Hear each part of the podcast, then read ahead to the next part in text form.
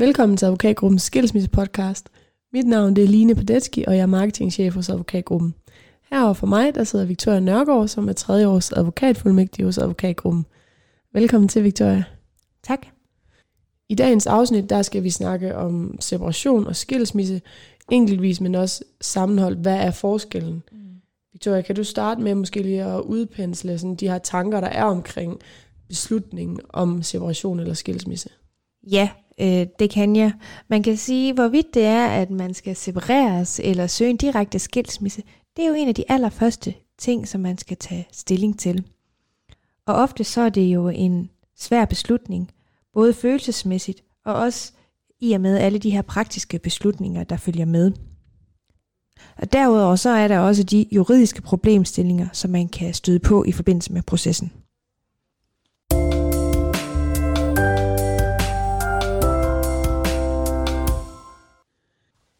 Okay, så hvis vi bare skal starte sådan helt grundlæggende, kan du så måske fortælle os, hvad er en skilsmisse, og hvad er en separation? Ja, altså hvis man starter i en skilsmisse, så er en skilsmisse det endelige ophør af ægteskabet. Det gælder både i juridisk henseende og typisk også øh, følelsesmæssigt. Når man bliver skilt, altså vælger det, der hedder direkte skilsmisse, så har det en række juridiske konsekvenser. Man har for eksempel ikke længere delingsformue, formuefællesskabet det ophører, og man skal have lavet en økonomisk opgørelse af ægteskabet.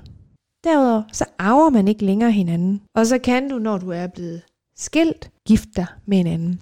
Okay, og hvad så med en separation? Hvad er det? En separation har mange af de samme juridiske konsekvenser, som en direkte skilsmisse er. Men bliver man separeret, så er ægteskabet stadig bevaret. Man vil, når separationsperioden er slut, kunne fortryde, og de juridiske konsekvenser, som jeg nævnte før, de vil bortfalde. Man kan sådan lidt forsimplet sige, at ved en separation, der er der fortrydelsesret på. Det er der ikke ved en skilsmisse. Der bliver de juridiske konsekvenser endegyldige, hvor ved separationen, hvis det er, at man vælger at ophæve separationen, så ophæver man også de juridiske konsekvenser. Okay, så det vil sige, at man kan sige, at en separation er en form for betænkningsperiode? Ja, man kan netop sige, at separationen er en form for betænkningsperiode. Nogle gange så spørger folk, man skal jeg vælge separation, eller skal jeg vælge skilsmisse? Og det kan jo være vanskeligt at rådgive i, men det jeg plejer at sige, at hvis man er i tvivl, så kan separation være en god idé, så man har tid til lige at mærke efter, om det nu også er det rigtige, uden at det får de juridiske konsekvenser, øh, som en skilsmisse har. Separation kan derfor anvendes som en betænkningsperiode, hvor man har mulighed for at overveje, om man vil fortsætte ægteskabet, eller om man skal skilles, når separationsperioden udløber.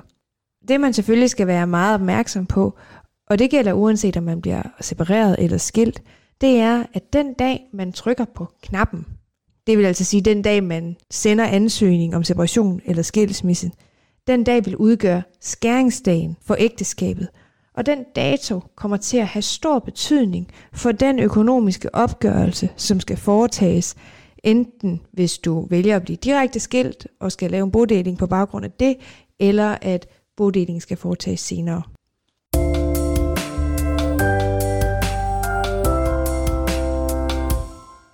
Okay, så kan man altid sige, at en separation, det er sådan et tilvalg i forhold til, at man vælger at give hinanden den her betænkningstid? Nej, det er det ikke. Man kan være separeret af to årsager. Enten fordi, at man er enige om, at separation er den bedste løsning her og nu, måske fordi, at begge ønsker lidt betænkningstid til at mærke efter. Men separationsperioden den kan også være nødvendig, hvis det er, man simpelthen ikke er enige om, hvorvidt man skal skilles eller ej. Reglerne de bestemmer, at hvis det er den ene ægtefælde ikke er i skilsmissen, så kan man ikke blive direkte skilt. Men den, der ønsker skilsmissen, har ret til at kræve separation i perioden. Når man så har haft en separationsperiode på 6 måneder, så kan man kræve skilsmisse uden yderligere betænkningstid og uanset den anden part ikke er enige.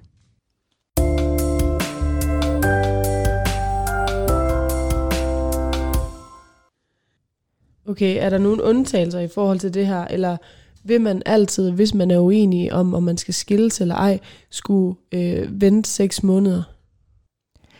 Der er nogle undtagelser, altså der er nogle særlige grunde, som kan give adgang til, at man kan blive skilt direkte uden en separationsperiode, selvom den anden ikke er enig. Okay, og hvad kunne det være?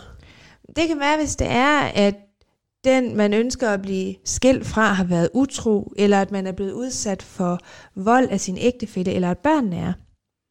Det kan også være, at man allerede har boet fra hinanden i mere end to år, øhm, og man så på den baggrund ikke behøver yderligere betænkningstid. Okay. Er det noget, hvor man sådan skal bevise, at man har været udsat for det ene eller det andet?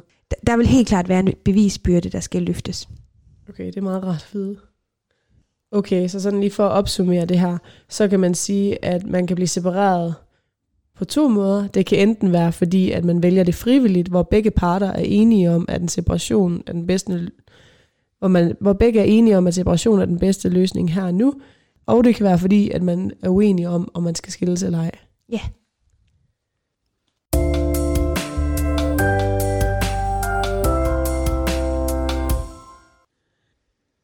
Okay, og lad os så sige, at man er blevet separeret, fordi at man er uenig om, hvorvidt man skulle skilles eller Mm. ej. Er det så altid sådan, at man bliver skilt efter øh, seks måneders separation? Nej, det, det gør man ikke, og det skal man også være opmærksom på. Når de seks måneder er gået, så skal man aktivt gå ind og ansøge om skilsmisse. Så det er altså vigtigt, at man får ansøgt om skilsmisse, for ellers så vil separationen bortfalde, og ægteskabet vil stadigvæk være bevaret. Okay, så man skal altså lige have en reminder i sin kalender om, at når der er gået seks måneder, så skal man ind og ansøge om skilsmisse. Ja, sæt lige en alarm. Er det inde på borger.dk? det er på borger.dk, ja. Hvad nu hvis, at man efter de her seks måneders betænkningstid faktisk har skiftet mening, og man har lyst til at forblive gift? Hvad skal man så gøre? Ja, det kan jo sagtens være, at man i betænkningsperioden er kommet i tanke om, at en skilsmisse ikke er det rigtige. Og så kan man genoptage ægteskabet. Det vil så betyde, at, som jeg sagde før, jamen så vil separationen bortfalde. Hvad nu, hvis man er helt enig om, at man skal skilles? Er det så noget, man kan gøre her og nu inde på borger.dk? Jamen som udgangspunkt, så er der ikke noget, der så er til hinder for, at man kan få en direkte skilsmisse og uden øh, betænkningsperiode. Det man skal være opmærksom på i forhold til en direkte skilsmisse, det er, at selvom man er enig i det faktum, at man skal skilles, så er det ikke det eneste, man skal blive enige om. Før man kan modtage den endelige skilsmissebevilling, så vil man også kunne være enige omkring vilkårene for skilsmissen, herunder om der skal svares ægtefællebidrag, og hvem der skal blive boende i et eventuelt legemål. Og det her, det har vi jo snakket om i et tidligere afsnit, afsnit 3, så hvis du gerne vil høre mere om det, så skal du gå til afsnit 3 i skilsmissepodcasten. Men lad os bare lige tage det helt praktiske her til sidst. Hvordan ansøger man om en separation eller skilsmisse? Vi har lidt været inde på det. Ja, jamen helt praktisk, så skal man ind og udfylde en ansøgning om separation eller skilsmisse på borger.dk, og man vil skulle signere øh, via NemID. Der er jo sådan nogen, der er fritaget for digital post, og der vil man skulle ansøge via et ansøgningsskema, som man kan finde på familieretshusets hjemmeside. Så der vil man altså skulle sende en ansøgning fysisk til familieretshuset.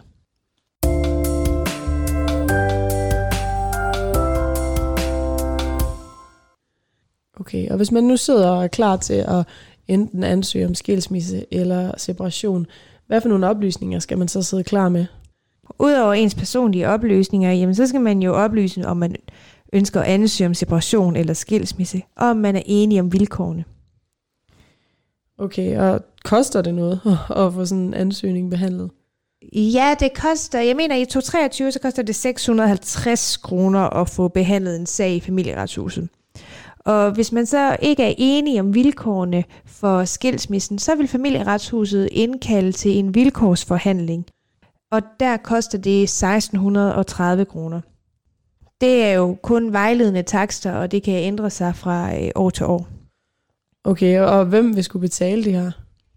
Der er ikke nogen regler for, hvem der skal betale gebyret, men hvis gebyret ikke bliver betalt, så vil familieretshuset henlægge sagen, og ens ansøgning vil anses som, som bortfaldet. Så det skal man være øh, rigtig opmærksom på, særligt fordi man i relation til bodelingen jo ikke vil have nogen skæringsdag længere.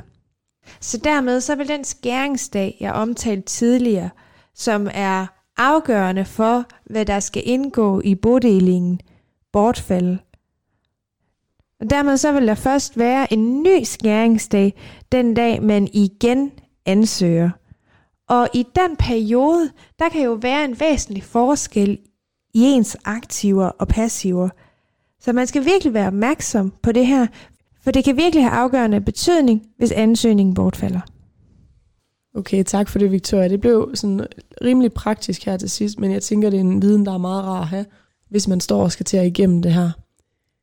Jeg tror, det var det for dagens afsnit. Tusind tak, fordi du lige havde lyst til at fortælle os lidt om separation og skilsmisse og forskellen herpå. Hvis man har, står og har nogle konkrete spørgsmål, så er man altid velkommen til at udfylde en kontaktformular på skilsmisse.dk eller skrive en mail direkte til vn Tak for i dag, Victoria. Selv tak.